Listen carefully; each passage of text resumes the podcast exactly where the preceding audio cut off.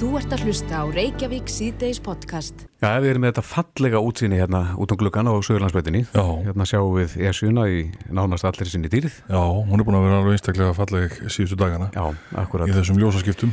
En það var frétt í gær um uh, stórhuga fólk sem að stefnir á að setja upp uh, ferju, það er þess að kláf uh, í hérna uh, fyrir vestan. Já, fyrir ofan Ísafjörð Já, og ég vil koma fyrir veitingahúsi á topnum, einmitt. 250 manna veitingahúsi. Já, tveggja miljardar verkefni Já, já. og þeir búast því að er von á, á stemtiðara skipum sem að munu þá sjá um opan af því fólki sem þeir hann upp. Já, já, En uh, þetta rifjar upp uh, þessar hugmyndir fyrirtækisins uh, ESU-ferju sem að hefur verið með á tekniborðinu, Kláf í ESU-ni. já. Uh, á línunni er Eymundur Sigursson, hann er frangvæntastjóri ESU-ferju, kom til sæl. Já, góðan daginn. Góðan daginn. Já, þið er ekki að baki dotnir, er ekki stutt síðan þið, þið funduð málið? Jú, við hefum verið að, að hérna, uh, fundum þetta undarfarið og, og svona reyna, reyna að rífa þetta stað aftur núna. Þetta hefur svona aðeins verið í, í, í byggstöðin sem kom fram síðast þegar þessu hringtið í mig. Já, já. Á hverju hefur stranda svona hingað til?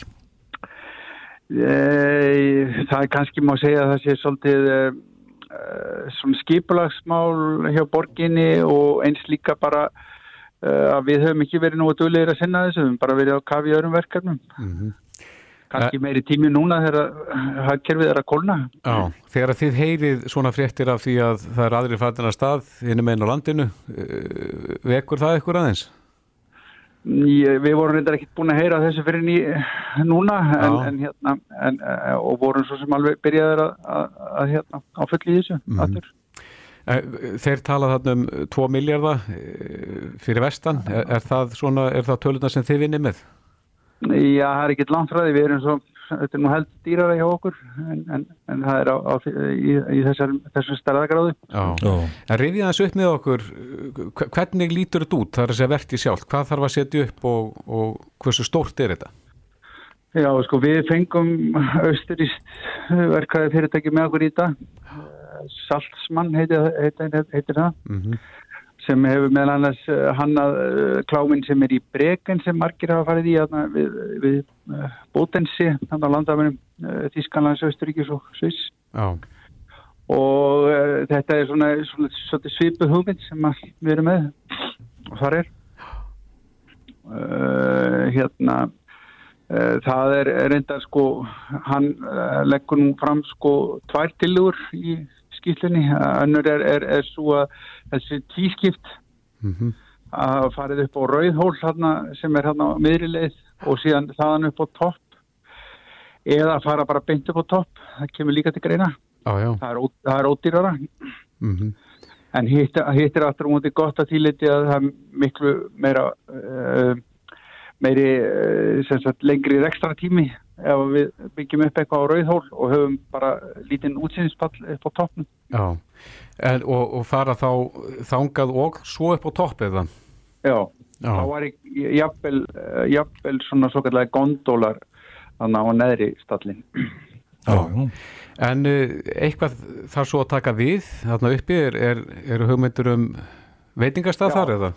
Uh, já, eins og ég segi, annarkvort upp á tóknum eða hann á rauðhól og, og, og síðan þá uh, útsýnispallur upp á, á, koristanu fyrir sigur og vantarlega uh, en, en, en, en það myndi bara vera útsýnispallur uppi ef uppbyggingin er á rauðhól. Já, uh, sjáu þið fyrir ykkur að, að það væri hægt að tengja þetta eitthvað skýja í þróttinni? Er, er skálafell of langt frá þessum fyrir ykkurum, er það ekki skálafell sem að káringar eru með þarna yfir í nesjunni? já, sko óbeint við, við, við köllum nú við, við erum með svona slagorð sem heitir Esjan fyrir alla sko. Já, og hérna að því við hefum gert nokkuð mikið af svona rannsóknum og meðal annars eh, gerðum við rannsókn árið 2015 uh, á, á, á hérna meðal þeirra sem fara á Esjuna, gönguhúls mm og þá kom nú í ljósa það eru mjög margir sem fara að það bæði jamt konur og kallar og, og, og góða aldurstreyfing en,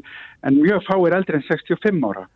Já, já, þannig að við eh, hérna eh, fórum, eh, það er svona eitt af því sem við erum að siktina og það geti fleiri farið, bæði aldraðir, fatlaðir og mittir og, og þeir sem vilja hjóla eða fara á skýði, hvort sem það er göngu skýði upp á topnum eða, eða renna sig jafnvel niður þá dagar sem það er hægt sko. Mm en, það, en það er ekki megin markmiðið með þessu sko. Nei. þetta er meira svona norðurljós og, og útsýni og, og, og ja- jafnvel er þetta að því þetta er eh, náttúrulega vel staðsett gagvað Reykjavík að það er jafnvel að hugsa sér ímsa viðbörði með útsýni við Reykjavík til dæmis er að fríðasúlan er tendruð eða eitthvað slíkt -hmm. Hvað eru kláatni stóri? Hvað, hvað rúmað er marga?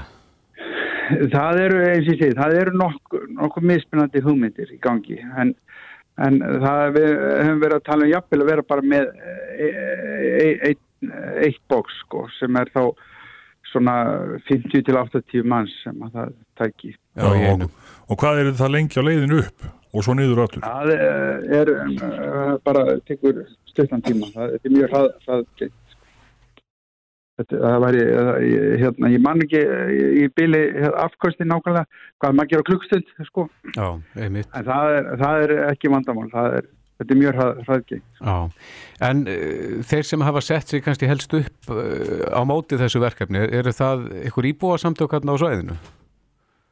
Já, sínu tíma var það já, en, en sko við finnum alltaf mjög mikið meðbyr með þessu, þar sem að við komum og erum oft spurðum þetta sko, þannig að hérna, uh, ég held að sko okkar tilfinning er að það sé mun fleiri jákvæðir og, og til dæmis þessi könnun meðal gungufólks letið að það var almennt mjög jákvætt fyrir þessu. Já, akkurat.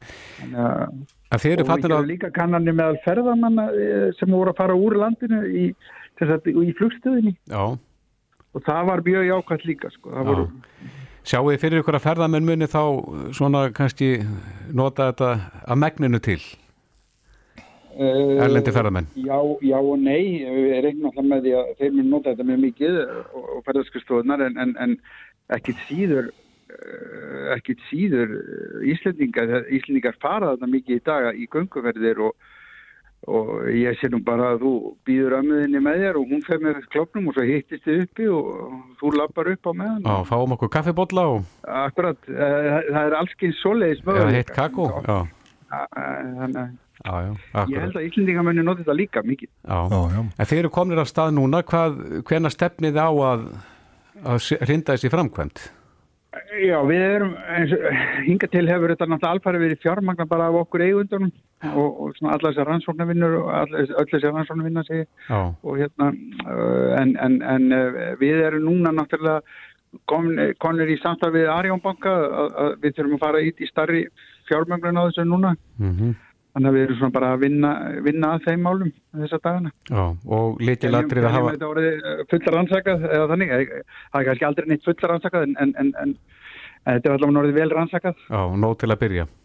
Má búast við því að, að svona samkvæmt ykkar plönum að, að ef að það verður farið að staði þetta fullir alveg og það verður fljótlega? Já, ég hef sett svona, það, það, þetta getur ekki fara að ganga rætt þegar að, þegar við fáum einhvern uh, stærri fjárfesti með okkur í þetta. Já, og ef við skilir rétt að þá hefur borgin sínt aðeins meiri samstarfsvilja núna. Eh, Já, þeir, það, það er, við höfum verið aðeins í verið að við þá núna í haust sko og, og hérna, við gerum okkur vonur um það að, að hérna, að það, greiðist úr þeim málu. Það, sko, ríkið er tilbúið með loðarsamning, ríkið á í landið, Mm en, en þetta er svona meira skiplagsmál og, og svona eh, eitthvað, eitthvað flækjustig innan borgarinnar sem að verið er að kljást við. Akkurat. Eymundur Sigursson, frangvöldastjóri ESU-ferju, þetta, er- þetta hljómar spennandi og við segjum bara gangi ykkur vel með verkefnið. Takk fyrir það. Bless, bless. Þess. Þú ert að hlusta á Reykjavík C-Days podcast. Já, já, það eru blíkur á lofti þegar það kemur að uh, atvinnulífinu. Já, Uh, því miður, þá hafa verið allt og tíðar fréttir af uppsögnum hjá fyrirtækjum og stofnunum. En uh, það segir einnig fréttin á vísi.is í dag að svo verður sem ríkisútarpið vilji fara á sveg við lög með pökur í sínum hverju sætja um stöðu útvarstjóra, þetta segir í, í fréttin á vísi. já, Í upplýsingarlögum er skýrt ekki fram að veita skuli upplýsingar um upp þeirra sem að sætjum störf og því sé ekki að stjórn Ríkisútvarpsins hafi heimil til að byrta ekki lista umsætjandum stöðu útvarpstjóra. Þetta segir Helga Vala Helgadóttir, eh, lagmaður og þingmaður. Þannig að uh, ríkinu ber að byrta lista yfir umsækjendur en, en stjórn Ríkisútvarsins hefur tekið þá ákvörðun að, að byrta ekki lista yfir umsækjendur þessu sinni. Já. Uh, við erum komin í samband við Katrínu S. Óladóttur, hún er framkvæmdastjóri Hagvangs sem er ráðninga þjónusta. Kom til sæl, Katrín. Blessaður sæl. Uh, hvaða kosti og hvaða galla hefur það að byrta lista yfir þá sem sækjum störf? Í fyrsta lagi þá veit ég nú ekki hvað kostuðu hefur í raunni af því að þetta er mjög umdilt og óvinsælt hjá fólki sem er að sækja um þessi störf. Mm -hmm. e, við verðum mjög vör við það að umsækjendur þeir e, ofta tíðum fælast frá því að sækja um þessi störf í ljósi þess að, að ef að til nafnbyrtingar kemur. Já, e, finnst þið þá líklegt í þessari stöðu að að stjórn Ríkisútarsins sé þá að uh, fiska eftir fleiri hæfum einstaklingum sem að til að sætjum með þessar ákvörðun? Uh, ég skal ekki svara fyrir þetta vegna þess að við erum ekki með þetta verkefni hjá okkur uh, þannig ég get ekki tjáð mig um það en mér þykir það ekkit ólíklegt í ljósi þessar umræðu sem að hefur átt í stað um þessar nafnabyrtingar. Nó. No. En ef að umsækjandi óskar bara sérstaklega eftir uh, nafnlind við umsóksina, uh, getur hann ekki farið fram á það? Hann getur farið fram á það en það er ekki tekið tillit til þess ef að uh, stjórnvaldið eða stofnunin er undir þessari reglu. Nei. Að henni ber að byrsta nöfn umsækjanda ef óska verður eftir því. Mm -hmm. En það er í mörgum tilfellum það sem að stofnunar eru ekki að byrsta umsækjandarlista. Þannig tala um gagsægi og, og þegar það kemur að því að byrta þessa lista það þurfa að vera ákveð gagsægi og sérstaklega þegar að því ofnbæra á í hlut. Já, já, já, já en, það er alltaf auðvitað, auðvitað það sem er vitnaðu til. Já, en uh, hvaða getur tekið fyrir okkur dæmum stöðu sem gæti komið upp þar sem þetta gæti kannski komið niður á fólki og umsækjandum? Það getur haft það í förmessir. Segjum bara að þú, Kristoffer, myndir sá starfauðli sem þig langaði í, mm -hmm. en þú væri mjög ánæður í starfinniðinu og væri alls ekki að, að hugsa um að skipta um starf. Mm -hmm. En þig langaði að sækja um þessa stöðu og ef þú gerir það, þá áttu mögulega að hættu að þínir aðdunreikandur myndur álýta svo að þú værir orðin eitthvað leiður í starfi og værir þar að leiðandi farin að horfi kringu þig. Mm -hmm og það getur þýtt það að það verð ekki gestur að fyrir þér í, í alls konar framþróun innan fyrirtækisins. Það er kannski þessi rauk og svo fyrir utan það að þig langar ekkit endilega að útvarpa því fyrir almenning að þú hafið áhuga því að sækja þessa stöðu mm -hmm. og svo þarftu kannski að vera að svara fyrir það hvers vegna sóttur um þessa stöðu og svo ferði ekki þessa stöðu og þá er verið að veltaði fyrir sér af hverju fegst þú ekki þessa stöðu. Oh. Þannig að maður spyr sér sko hvað drefur um mörkin á millið þess að þú ert einstaklingur og þú ætti að vera frjáls og það er að vera trúnaður sem gildir varðandi það hvað einstaklingurinn er að, að, að fást við svo framalega sem að það brjóti ekki bá við lög. Þannig að það er, það er eins að skoða það á þessu. Eh, þetta er samkvæmt eh, upplýsingarlögum, skilst okkur já, já. og gefur hérna fram í fréttinni. Þetta bara þá við um hiðopenbyrraði það ekki? Já, já. Enga fyrirtækin eh, eru í allt, allt annari stöðu já. og þar að leiðandi þá getur hver sem er í ljósi trúnaðar sótt um störf hjá, hjá þeim. Mm -hmm. en, en er þetta flætjast fyrir svona með að við þína reynslu eru ríkisfyrirtæki að verða af góðum umsætjandum út af þessari reglu og þessum lögum? Ég myndi segja að það er frekar oftar en ekki og maður finnur það þegar fólk er veltað þessu fyrir sér að því að auðvitað er fólk að bera sig upp og, og velta því fyrir sér hvort það er í möguleiki að komast hjá því að, að viðkomandi verið byrst mm -hmm. Og, og þá er alltaf sama svarið ef að verður óskað eftir nafnbyrtingu þá, þá ber stopnunni skilda til að, að byrta nöfnin en, en svo þetta hefur það gæst á, þessa, á þessum tíma að fólk er að draga sér tilbaka og hefur fullt leiði til þess þó það hafi lagt inn um svo Af óta við þá nafnbyrtinguna? Já mm -hmm. Hvað heldur að gerist næst? Uh, eru sektir sem eru viðlögin við, við svona brotum eða? Ef að, ef að listin er ekki byrstur? Já. Já, nú skal ég ekki segja. Ég uh, myndi vísa þessu til einhvers lagfræðings að meta það.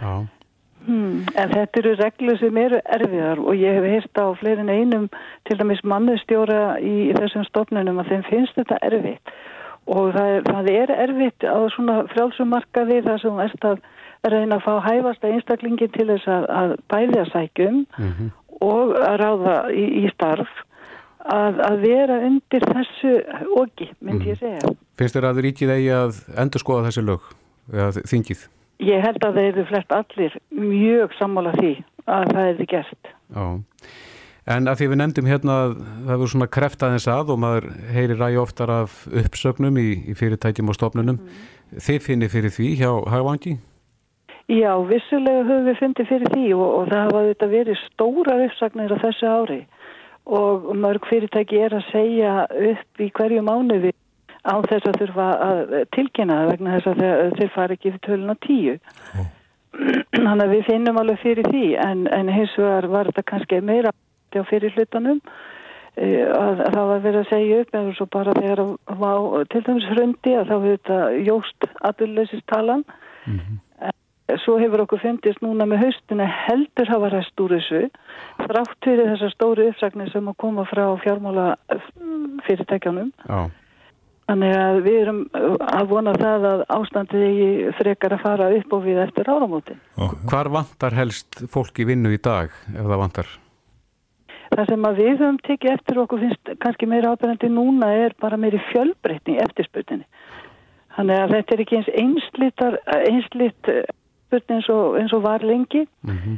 Þannig að það er eins og vinnumarkarinn hafi svona frekar tekið við sér að þann hátt að, að mörg svona minni fyrirtækina bæta viss fólki þannig að þá, þá eikst kannski fjölbreytnin mm -hmm. Eru þið að fá fólk á lista eh, hjá ykkur sem er með vinnu, er kannski ánægt í vinnu en, en svona ef það dettur eitthvað ákveðið inn á ratar að, að þá verða að láti vita? Mm, fjöldin sem er hjá okkur að horfi í kringu sig er meira og minna í störfum. Og eftirspunni frá því fólki helgast fyrst og sérst að bara nýjum áskorunum. Mm -hmm. halda sér upplýst og við svona fælega sér og við þar að leiðandi fylgjast með bara hvað tækifærið það hefur á vinnumarkaðunum og, og efla sér það er kannski stærsti hluti sem er að tala um okkur. Já, en hvað með launin? Er, er þetta greinar svona hálunagreinar eða, eða láluna sem eru helst í bóði? Það er allir gangur af því og það sem að við hefum tekið eftir núna síðari ár kannski minni áherslu lögð á það að launin séu sko í fyrsta sæti. Nei. Þú veist að horfa meira, ef maður heyri það ekki á fólki þarf að horfa meira að það er þetta örugt fyrirtæki, er stafsefminn þannig að, að, að það sé líkur að því að fyrirtæki bara lifi áfram og að það sé einhver mögulegu vöxtur til staðar. Og svo náttúrulega bara góður aðbúnaður og, og fyrirtæki standi sér vel í samkjæfninni. Já, ert þú bjart sín á uh, framaldið þrátturir þrátturir þessar, þessar fréttir af uppsögnum? Já og þegar að, uh, maður tala við fólk sem að, er að fylgjast með þessum rannsóknum og bera sér saman og, og horfa hægtölutnar og allt þetta að þá eru nú flestir finnst mér bjart sínir á það að þessi kannski gæsalappa niður sveifla verði ekki eins djúb mm -hmm. og erfið eins og, eins og kannski maður var fann að halda á tímabili þegar það fór að líða á árið. En, hérna þess vegna er ég björnsinn ég trúi því að, að bara líka stjórnvöld átti sig á því að það skiptir öllu máli fyrir þetta samfélag að stiðja var Stiðja við atvinnulífið. Akkurat Katrín S. Óladóttir frangvotastjóri Hagvangs ráðninga þjónustu Kæra þakki fyrir spjallið Mín er rána Takk fyrir. Reykjavík síðdeis á Bilginni podcast. Já, já, við erum alltaf að leitað nýjungum, já. skemmtilegum nýjungum og uh, við erum alltaf að hrifna að tætjum og tólum. Þessi þáttur er einhvern veginn þannig. Já, akkurat. Við erum alltaf forvöndnir um það nýjast að í. Einmitt. Þó við kannski eigum þetta ekki allt saman en maður kannski þú. Já, en þegar við erum uh, að velta fyrir okkur hvað er nýjasta nýtt, þá dettur okkur yfirleitt eitt nefni hug, Ingi Björn Ágússon, hann er sérfræðingur og sölustjóri á Vodafone, velkomin. Takk, takk. Er þú ert aðeins búin að vera grúskaði þessu og, og hérna ert náttúrulega alltaf með radarinn opinn fyrir Alltaf, nýjungum. já, ég er alltaf eitthvað að skoða Já, eh, og þú ert dottið niður á einhver aldjóra snild núna, sagður mér. Já, ég sko ef við bökum aðeins, 19. november þá var hérna eitthvað sem var alþjóðlegur klósett dagurinn Einmitt. Já, já. og Við heldum hann hátilega. heldum hann hátiðlegan og veitur voru með post og það voru kynningarinn á Íslandi og hún er svona ætlað að minna á að það búi ekki allir við þessi lífskeiði það er að hafa salarinn á heimilin sínu og það er endur ekki, ekki endilega hérna, nóg vatn fyrir alla Nei, nei. Ég meiri Og- að norðmenn eru farin að hvetja fólk til þess að pissa í sturtu. Já, nýta þess vatnið. hérna, nýta vatnið. og, og, og, og það er á, á hverjum einasta degi þá eru yfir sko 141 miljard lítra vats sem er notað til að styrta niður klósetinu Já, og hugsi, sko, hér er þetta bara ferst drikkjarvatn. Já, það, og það er svolítið máli, við erum nota reynd vatn sem bara fer og við erum nota til að, að skóla niður úrganginu okkar. Og, og, og það svona hefur ítt við fólki, ítt við vísindaminnum að, að ef við þyrftum ekki að nota allt þetta vatn, ef við getum gert eitthvað í þessu til að minka notun, notkununa á vatni þá væri við kannski aðeins að henda á kona á betri stað. Og það á þessum degi þá kom út hérna, ný tækni frá vísindamennum bandaríkjanum sem eh, nýtir ákveðin tækni til að gera klósetin sko mun sleipari og rauninni bara sjálf hreinsandi Já, þannig minga vastnótkunna bara um helming Já. þannig úr 141 miljard lítra í cirka 70 og þessi eh, tækni hún er hönnu bara frá náttúrinni eða svona fara innblástur á náttúrinni og það er þessi svona kjötætu planta sem heitir hérna, held ég á íslensku könnu planta. Eða pitcher plant. Ég hérna, fann ekki þýðingun á henni en, en pitcher er svona kanna könnu, og hún lítur út eins og kanna í læginu og hún verður svona ofur sleip, hún er svona gróft yfirborð og þegar hún fær vatn á sig þá verður hún svona segja, mjög sleip, mjög hál. Þannig að þegar skortinu lenda náni þá rennaði inn í hana þannig að hún geti borðað þau. Og það er þessi samþætting af þessu vatni og, og svo þessum, þessum mikrohárum sem er á henni sem einhvern veginn gera yfirborðið svona sleift. Já, já. Þannig að þeir nýttu sér þessa tækni og, og byggu til svona, hvað að segja, hálfgjört lakk eða spreyefni. mhm, sem hún spreyjar innan í klósetin. Spreyjar innan í klósitið og það samar að þessi, hvað svo, grófleika nú, þetta, þetta sleipir, þannig að klósitið verður bara ofur sleift. Og, og þannig að þeir eru með svona þetta efni, þetta er eiginlega svona fjölliða nanohár alveg ör, ör, ör smátt og þetta er rauninni 100.000 sinnum þinnra en bara mannshárið Já. ég er þetta ekki þekktu fyrir að mikið hár en, en, en fyrir þá sem hafa, þá getur rétt ímynd sér það Aha. og, og þetta festist bara fastu klósitu og verður það bara, bara hérna, og svo í eins og rannsókn það þá þurftur að sprauta aftur -hmm. og þá settur svona sleipefnum ofan á þetta til þess að ná þessu rensli það er að segja að, hérna, hæðunar okkar myndu bara að renna hratt og vel niður. -hmm. og þeir eru búin að gera kannan á þessu og það er þetta að fara á YouTube og skoða vídeo af þessu þar sem þeir eru með gerfi hæður og bara bera saman A og B. Sleift klósit og ekki. Og þetta er þetta er alveg óbáslega áhugavert að skoða og ég, hérna það voru alltaf misjættar undirtektur uppi þegar ég var að sína fólki þetta Já, þegar þetta annars vegar bara kvarf niður í klósitið og, svo voru sömur sem þóttu þetta svolítið óþægilegt. En, en allavega þetta virkar og, og, og, hérna, og það sem þetta gerir líka, þetta er ekki nómið það að þetta spari vatn, að þá er þetta eiginlega svona sjálf hreinsandi þannig að þessi, þessi lög, lakk eða húð, eh, hún fælir af sér bakteríur. Þa, þarf að endun í að húðina síðan reglulega. Það er talað um að, að þú þurfa að endin í að kannski fimm ára fresti. Já, og, og hérna, og nú hugsa maður, ok, þetta fimm ára fresti og hvernig business case og þetta lítur að rán dýrt eða eitthvað, en það er komið sem sagt, hérna, uh, fyrirtækir sem komið þess að vöru á markaðin og hún er þannig að þú þarftur þetta bara að spreja einu sinni, hún hefur þessar báðar þessar lakkhúðir inn í sér. Og ég sá hérna verðið á þessu að þetta komið niður einhverja 15 dollara. Tekur um 5 mínútur að, að spreja þess á og verða virt, þannig að þetta er ekki dýrt og þetta er í sölu núna í, Þetta er sem núna í, í bandaríkjunum hvað heitir þetta? uh, spotless, spotless Materials Spotless Materials Já. það, já. Ég er enda búin að fá enga lefi fyrir svona heima Nei, nei, spotless material segir þetta og, og þá þartu bara eitt spray og, og hérna, en ekki tvö En þetta, já, fyrir ekki Nei, ég, ég segi að hérna, þetta hlýtur að vera mjög frestandi fyrir marga. Þetta er það leiðilegasta sem að margi gera að þrýfa klósin. Þetta er alveg í, bara eitt af vestar, sko Já. Já, já. Það er ekki slegist um það. Nei, nei, það, það er yfirleitt svo sem tekur stigst að strá á heimilinu, þetta er svolítið þannig, sko Akkurat. Það, það má þá rekna með því að uh, það sem að fer ofan í klósettið, það er farið. Það er Þannig farið. að ef þú, ef þú missir eitthvað í klósettið þá er það líka jafn tapað. Já, já, og þú, þú þarf bara við að metta hvort það er hérna að vera á þínu heimili. Já, akkurat. En hérna, og þá er þetta þannig að, að þeir sem eru með þessa svona tvöfaldar sturtuna á klóðsinn sínu og stærri sturtununa og, og, og svo minni að þá reyna hættur bara að nota stærri, þú nota bara minni. Minni Já, já. takkin. minni takin, hann notar minna vatn. Og svo er þeir sem eru bara með eitt takkana, þá eru er þetta svona, hvað segir maður skítamiksli er þetta, setja vassflöskur ofan í tankinn og þannig að hann nota bara minna vatn eða eitthvað slíkt sko Já, já. og hérna þannig að þá ertu að hjálpa til við þetta að spara vatnið í heiminum Já. Ég held að séu margir nú þegar búinir að sláðu sinn. ég, ég, ég er búin að gera þetta og ég er búin að panta og mér langar að skoða þetta Já. þannig að þetta er bara leiðinni Já. Já, já.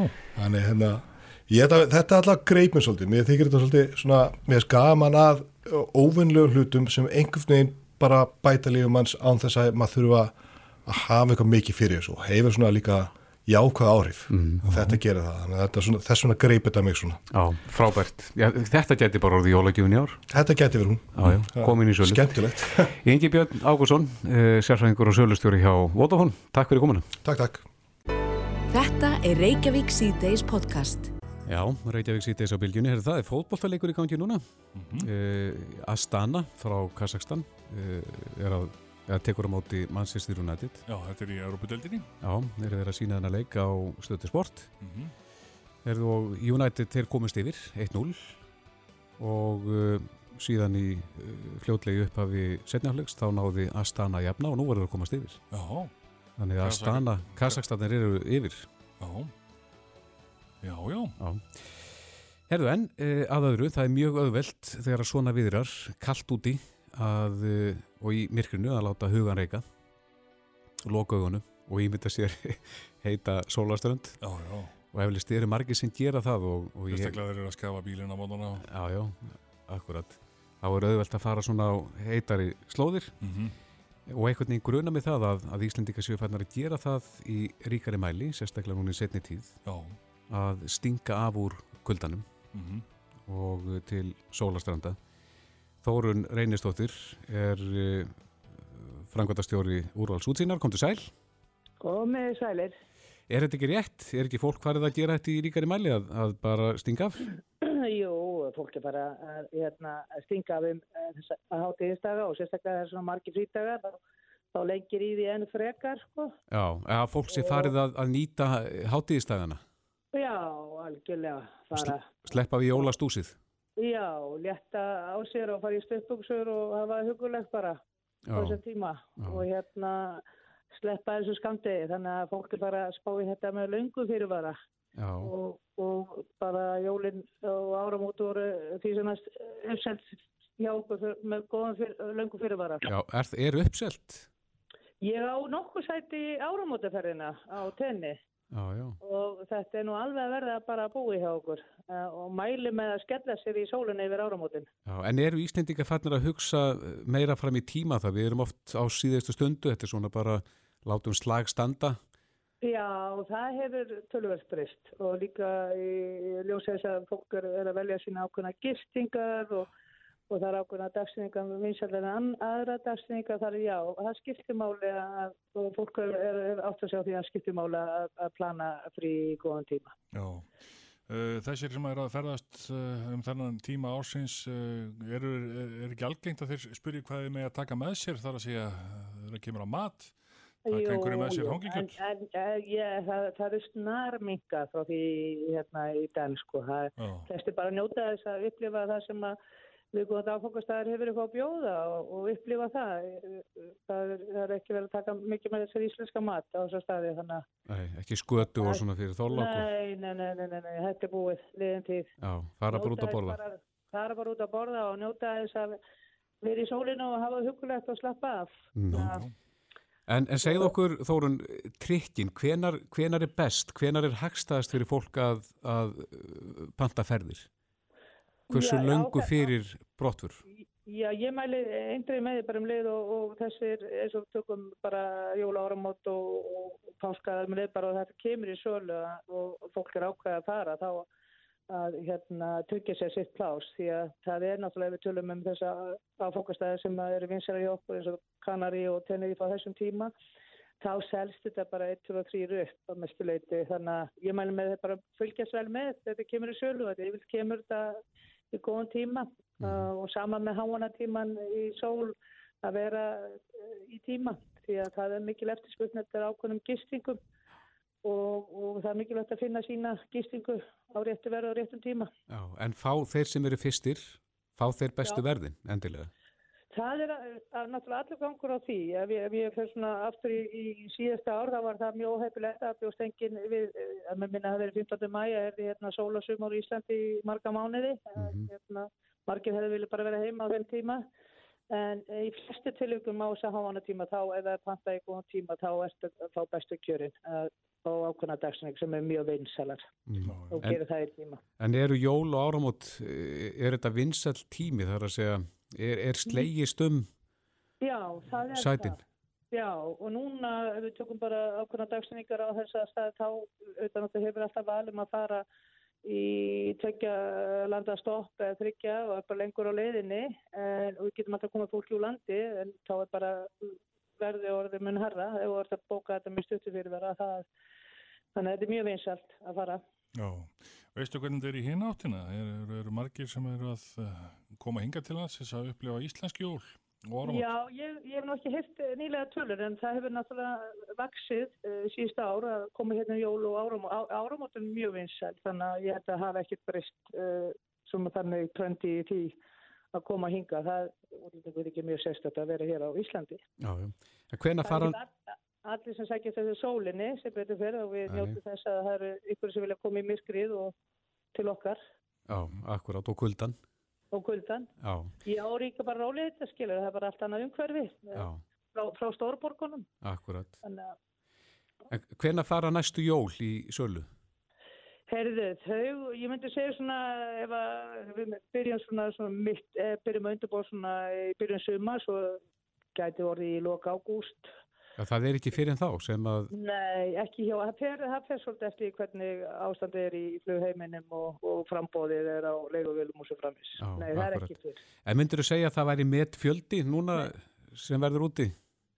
Ég, ég hef ekki nákvæm að tölu á hvort þetta, ekki eins og staðan er núna, hvort þetta er meðfjöldið ekki, ég get ekki alveg staðfesta hér núna. Nei, en þetta færist í vöxt.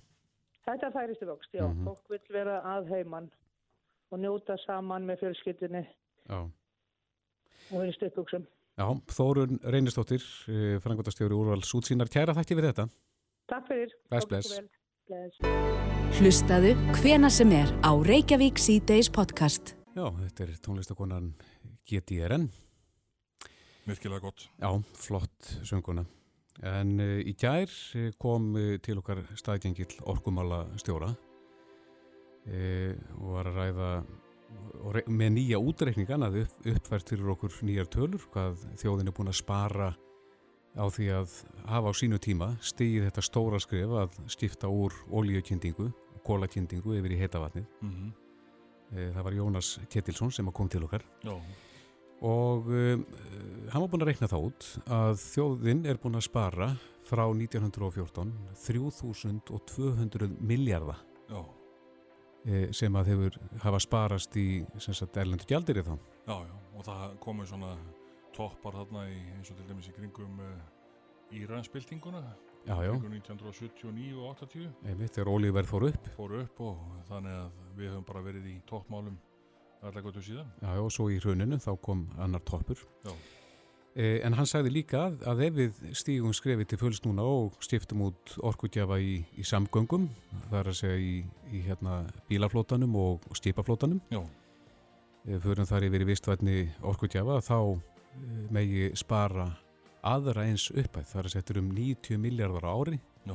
eh, sem að sparast í hús, húsitun Mm og annað eins megi þá spara þegar okkur tímar að samgöngum. Það er eftir aðeins miklu að slæðast þarna. Já, en það er spurning hvernig þessar tölur hljóma í eirum umhverjus ráðherra. Guðmundur Ingi Guðbrandsson er á línni. Sæl? Já, góðan daginn. Hvernig hljómar þetta í þínum eirum? Já, ég hef ekki, ekki séð þessar tölur sjálfur en, en það er hljóma sjálfsögðu mjög vel og við vitum það að þetta hefur skilað sko, þjóðinu og þjóðarbúinu náttúrulega ómændum árangri og uh, í rauninni sparnaði að ráðast í húsitunna mm -hmm. og það kemur mér ekki á óvart að það bendi allt til þess að þið sama myndi gerast varðandi samgöngurnar á, á landi og sjó uh, og ekki síst vegna þess að við erum þá að nýta innlenda orkugjafa í stað þess að flytja inn. En getum við ekki lært eitthvað af áraðinni þessara manna sem að stegu þetta stóra framfæra á sínu tíma?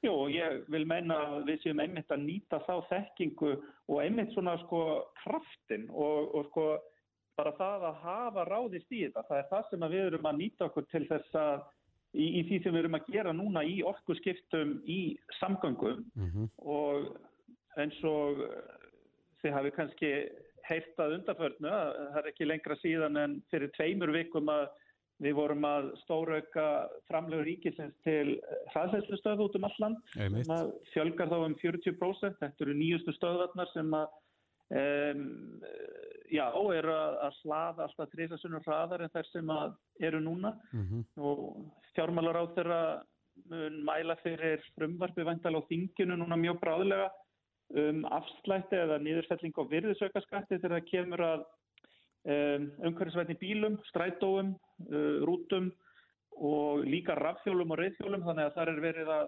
blanda saman í rauninni því að reyna breyta ferðavennjum hjá fólki og hvetja til þess að nota um, umhverfisvætni faraskjóta.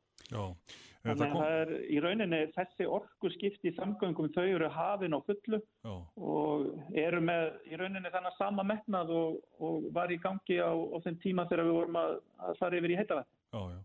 Uh, og það er náttúrulega ekki bara sparnar í peningu sem að kemur þarna framheldu líka bara uh, umhverfismálinn og það kom fram í máli Jónasar í gær að ef við myndum gera þetta á einu bretti þá myndum við uppfylla öllu skýlir sem við höfum uh, gengist undir í loslasmálum. Já, þetta er hluti af því að það verður náttúrulega eftir í hvort að við líta til bæði landbúna að sjá út þessu samgangna eða bara samgangana. Það er ekki nóg að við förum í, í rauninni sko, orkuskipti bara í samgangum en það er, það er þá hluti sem er mikil áhersla á núna. Við verðum líka að taka orkuskipti í sjáarútvegi og landbúnaði og hann hefur án efa verið að, að líta til þess. Já, bæði sagt, bílaflótin og skipaflótin.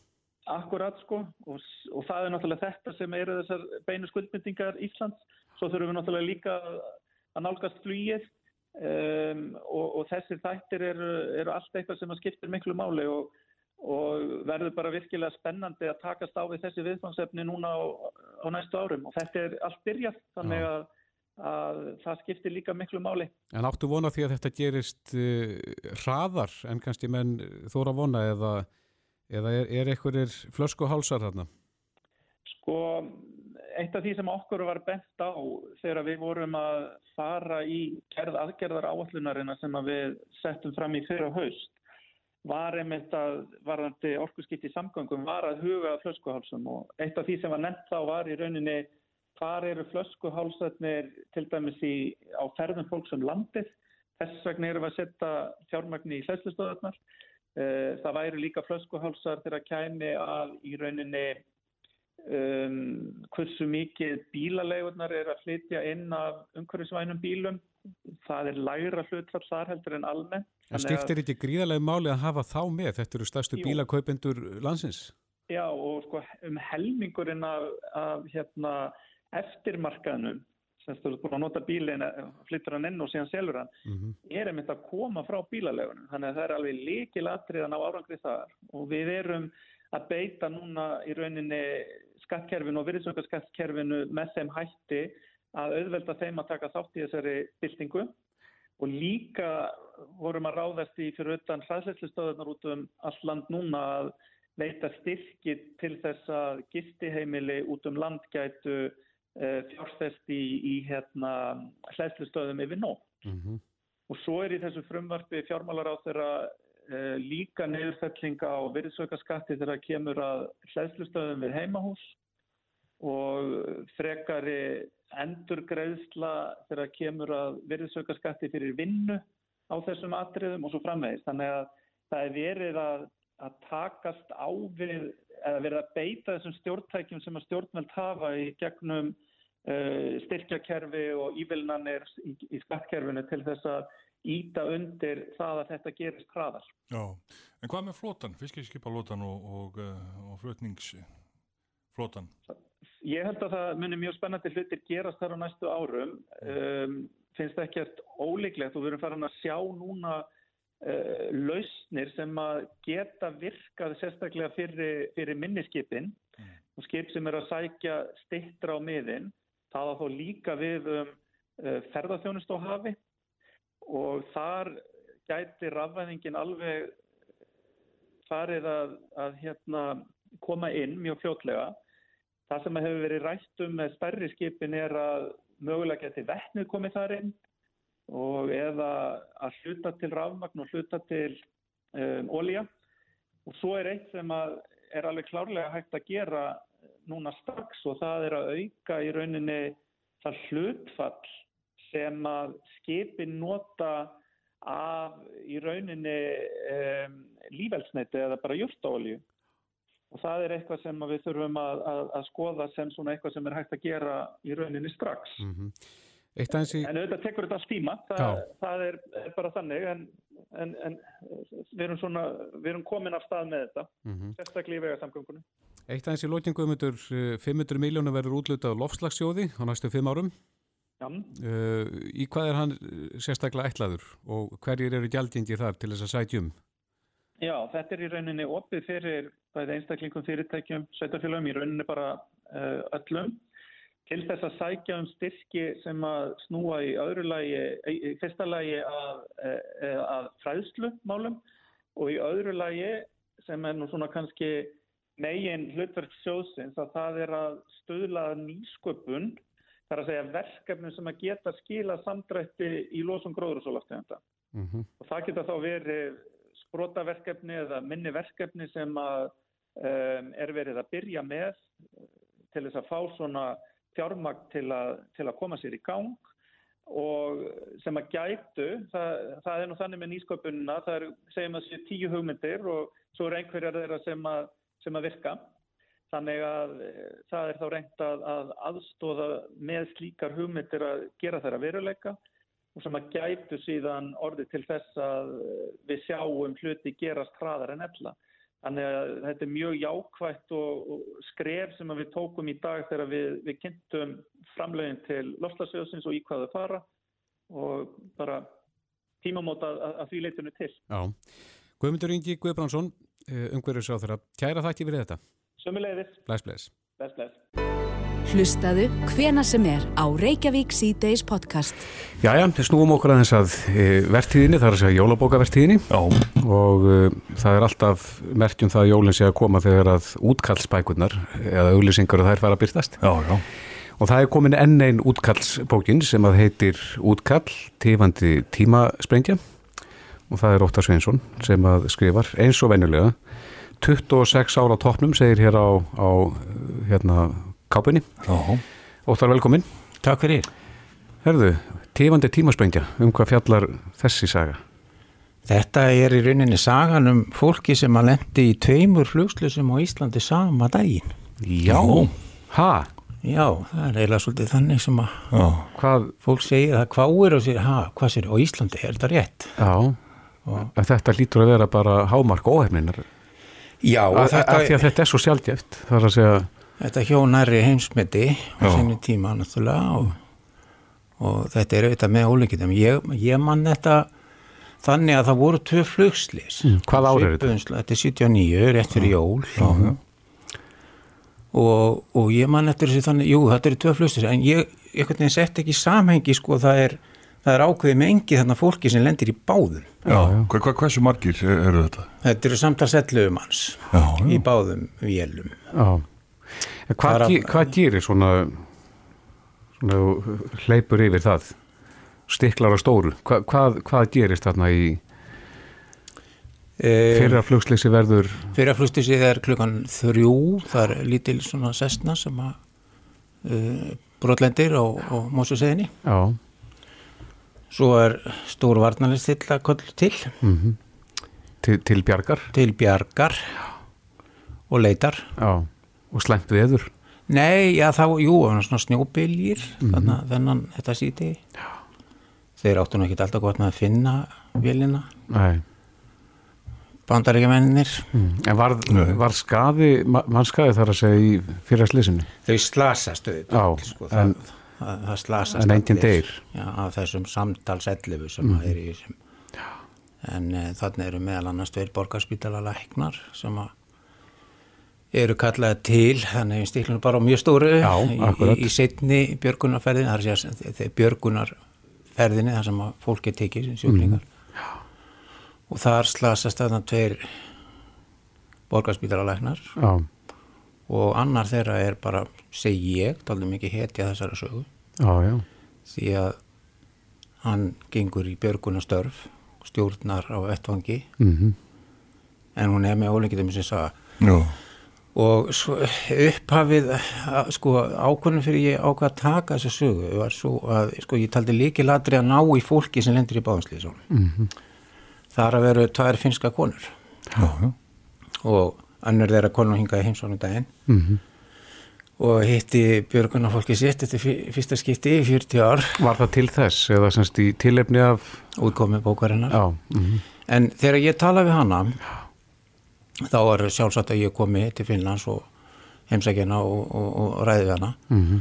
en hún segir mér að vinkona sín sem að jefnaldra og það er unnu báðar sem hérna, sjúkraþjálfarar og á, á uh, Reykjavík það voru búin að vera þar í ára töluðu svolítið íslensku mm -hmm. og þá sem þið með þessi hún sé dáin já, já. og það sem gerir svo er að, að ég segi henni hvernig ég ætla að koma þreymtu og setna og þá segir hún já ég talaði við fjölskyldu hennar Marju heitinar mm -hmm. Og þar uh, sendu mér spólu, segjumarspólu og þar er frásögn hennar í, í smáatröðum á borgarspítalunum eftir slisi þannig að Á ennsku þá eða finsku? Nei, það voru finsku og svo fekk ég það þýtt. Já, já. Já, já. Þannig að þetta voru þá mikilvægar upptökur fyrir, fyrir söguna. Algjörlega. Og náður að uh, njóta aðstofar eh, fleiri sem að liðu þetta við gerðbókarinn? Það voru flesti sem að voru í slisi og, mm -hmm. og það er með talið lögurglumæður og sælfossi sem ég hafði uppi á svona síðustu stögum vinslunar já. og fegin, þetta var maður sem ég þekkti nokkuð vel. Já, já. hver er og, þetta? og hann heitir Ólafur Ísholm Jónsson. Hann er áttræður í dag og, og maður sem ég talaði lengi við sem uh, eh, lögurglufréttamæður að djefa fyrir gamla dag hverjum degi, góðu vinn minn. Og þá segir hann, já þetta er nú slísið þar sem ég bjargaði lífið minnu nú. og ég segi nú hvernig? Já sko ég var að taka móti fólkinu þegar hann var verið að bera það inn í þyrluna. Og, og það er myndir Ragnars Axelssonar af því það er mikið myndum í þessu. Mm -hmm. og svo þegar það er búið að fara með allt fólkið inn í stóru varnaristyrluna og þá fer hann á loft og ég ætla ekki að fara með. Ég var bara útkallið þannig með Jóni Guðmundssoni yfirlöklu þannig á Selfossi og ég var náttúrulega bara að fara að ganga frá sliðsavettangi en Amerikanni var ekkert að vita Viljum var í loftið og, og, og hérna þannig að vélinn er komin upp í já svona fjórða metra. Þegar hann seg, segir að hann greip mig hérna augnabliks brjálaði uh. og ég hendi mér út. Já, úr fjóra metra hæð. Já, svona, hann sagði það uh. lauruglum hann sem var með honum þú fóst úr svona tveggjat og háls til fjóra metra hæð. Uh. Vélið var komið það mikið hann lendur í snjónum -hmm.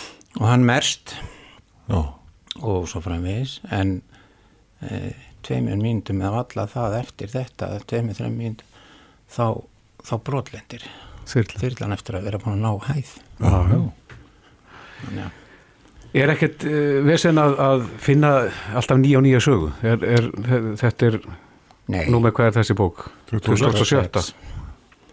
Það er aldrei vesen.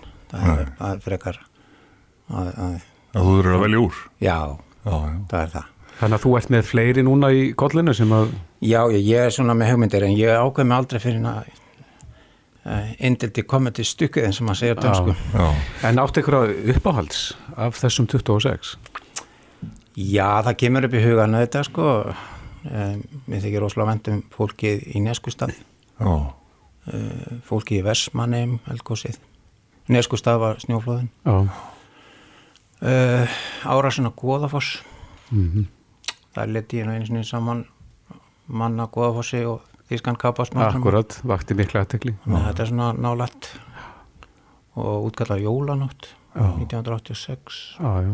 Nú er þetta náttúrulega orðið alveg gríðrætt efni og, og alltaf uh, spennandi að lesa en, en uh, hefur verið fæðið þess á leitið að koma þessu í, í mynd? Já, ég er, ég er að vinna í því með Scott Productions já, núna Að vinna efni úr bókunum? Vinna efni úr, úr einni sjómasmynd Hvaða bók er það sem það? Það er 2016 bókin. Það er hérna, Sprungubjörgun. Já, já, já. Það er nú ekkert langt síðan að já, eins og segja 2016 já. Og þannig að það getur undir upp á sig og fleiri bækur? Já, vonandi, við ætlum bara svona eins og Inga Lindvinkona minn segir við ætlum að flýta okkur hægt en að vanda okkur. Akkurat Já, útkall, tífandi tímasprengja. Tvö flugslis á, á einu degi. Þetta er Magnað Óttar Sveinsson. Eh, Kæra þætti verið komina, gangið þið vel með búingina Takk hjálpa fyrir mig, takk